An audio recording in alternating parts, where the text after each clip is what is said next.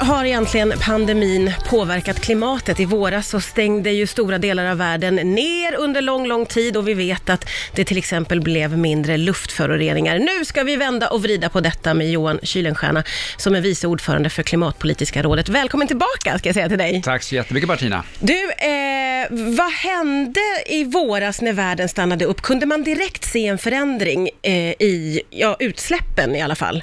Det kunde man och det är precis det du säger. Man såg en förändring framförallt i andra typer av luftföroreningar, kanske inte direkt det här med koldioxid, utan just de här luftföroreningarna som ger smog och mycket partiklar i städer. Så att på bara några dagar i, många fall så kunde man se hur luften blev klarare i många stora städer runt om i världen, där luftföroreningar fortfarande är ett jättestort problem. Mm.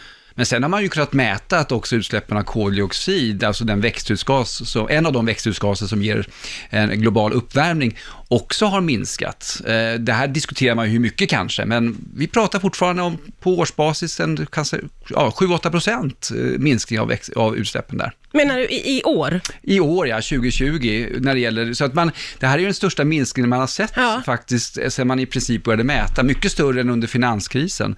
Så att vi ser en stor nedgång, men den är ju, som i många fall också med luftföroreningarna, den är ju förstås tillfällig, så länge nu ekonomier är nedstängda. Om allting startar upp som det var innan, då är vi ju tillbaka med samma problem som vi hade då. Ja men precis, det där är ju intressant. Eh, vad kan vi liksom ta med oss då av, den här, av de här månaderna i våras, eh, när ju nästan allting stannade abrupt. Det är klart att vi förstår att vi kan inte ha en sån tillvaro, men, men, men vad kan vi plocka med oss av det? Ja, det finns nog rätt mycket egentligen. Sen, sen är det klart att man ska vara försiktig och spekulera om framtiden. Men Ja. så här, alltså, jag tror att många människor runt om i världen upptäckte just det här med den rena luften. Och det är klart att det kommer ju driva opinion. Det är ju inte så att människor vill ha luftföroreningar Nej. i sina städer. Och det här har vi ju sett på många håll, även i snabbt växande ekonomier. Och det här tror jag kommer bli ett tryck på politiken, att vi vill ha bättre luft i våra städer. Och pandemin visade, så här skulle vi kunna ha det om vi hade bara bättre system. Så det tror jag definitivt är en sak vi kommer att se. Det andra som håller på att hända, eller som vi kan diskutera exakt vad det kommer innebära, det är ju om vi får vissa bestående beteendeförändringar. Kommer vi resa på samma sätt som tidigare eller inte? Kommer vi jobba mer digitalt? De yrkesgrupper som kan göra det. Mm. Det finns ju många sådana här saker som kan påverka hur framtiden kommer att se ut. Ja, just det. Men sen det sista som också kanske är viktigt, det är ju om det här ändå kan driva någon form av systemomställning snabbare. Det vill säga, det som många trycker på, att vi behöver nu investera jättemycket för att få igång ekonomier. Och då kanske om vi riktar de här investeringarna till exempel mot förnybar energi, då kanske den här omställningen som vi behöver för att få bort fossila bränslen, för att få bort luftföroreningar, kanske går lite snabbare. Så att det kan vara några sådana här effekter som, som ändå också i grunden kan vara rätt positiva. Eh, m- men jag förstår på dig då Johan att det som har hänt nu, det är ingenting som man kan leva på långsiktigt, utan det handlar om att eh, tänka om. Alltså vi, vi får inget gratis. Nej men så är det. Alltså de här utsläppsminskningarna, de har vi ju fått därför att vi har stängt ner våra ekonomier. Och det skapar väldigt många andra problem. Och om något så tycker jag det här visar att det här är inte rätt väg att gå för att försöka hantera klimatkrisen, utan vi måste helt enkelt göra en ordentlig omställning av alla de här systemen vi pratar om. Energi, transporter, livsmedel, till att bli fossilfria. Och det, för det handlar ju om att faktiskt se till då att vi också har en fungerande ekonomi i framtiden som skapar jobb och tillväxt och, och så vidare.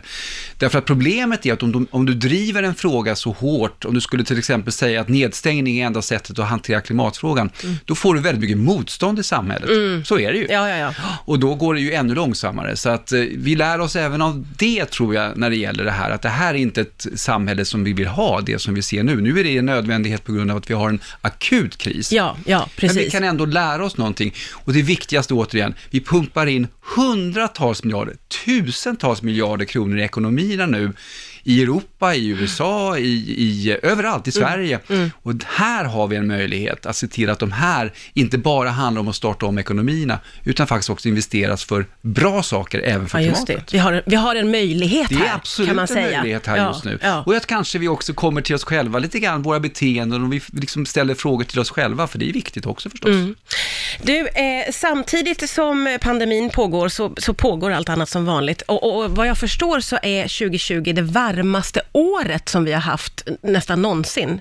Stämmer det? Ja, sen vi började mäta Ja, då, slutet av självklart, ja, 1800-talet, ja, precis. Ja. Jo, men det kommer att bli en av de varmaste åren. Om det blir det varmaste, det återstår fortfarande två månader. Ja. Man får se, men det ligger precis på marginalen. Och det är också som Världsmeteorologorganisationen har konstaterat, det är att de här fem åren blir de varmaste fem åren som vi börjar mäta.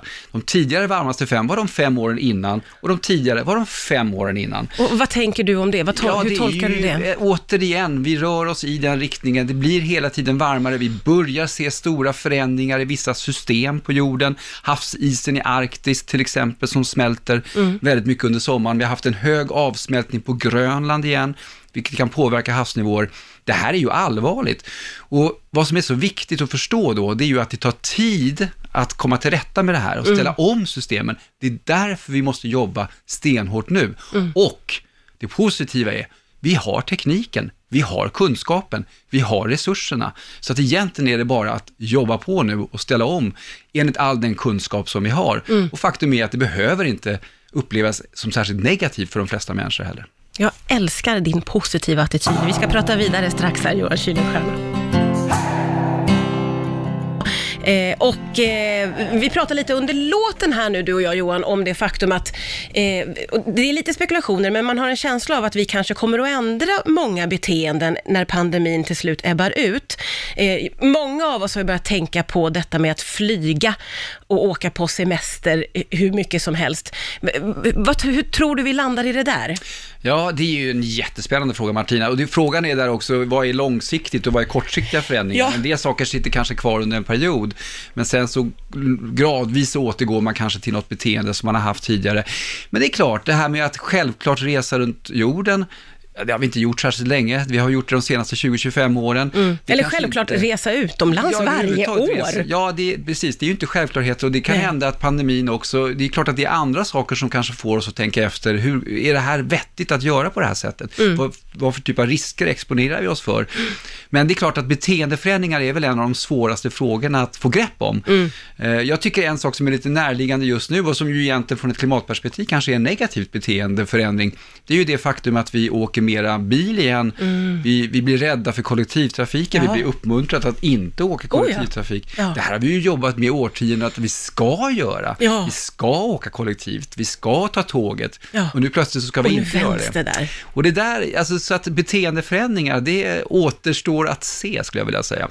Eh, Men det är klart att det här kommer att påverka på olika sätt. Digitaliseringen ska vi ju inte tala om förstås också. Mm, så att det finns nog både för och nackdelar från ett klimatperspektiv, Mm. vad effekterna kan bli.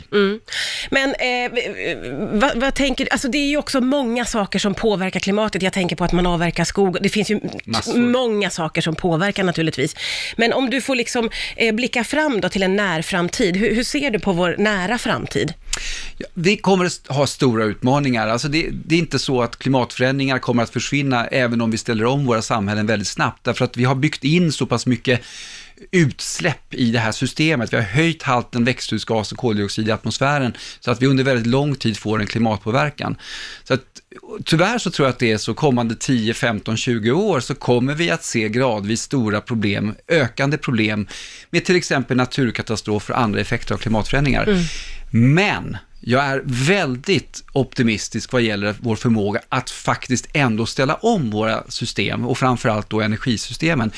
Och det här, det beror inte bara på grund att det är en klimatfråga, utan det här beror ju också på andra faktorer.